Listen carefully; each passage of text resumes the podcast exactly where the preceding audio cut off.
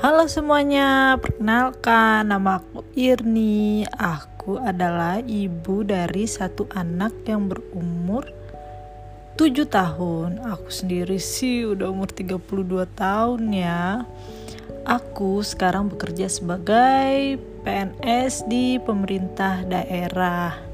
Nah, ini adalah sarana aku untuk menceritakan nih tentang perjalanan investasi aku. Semoga ada yang dengerin deh ya.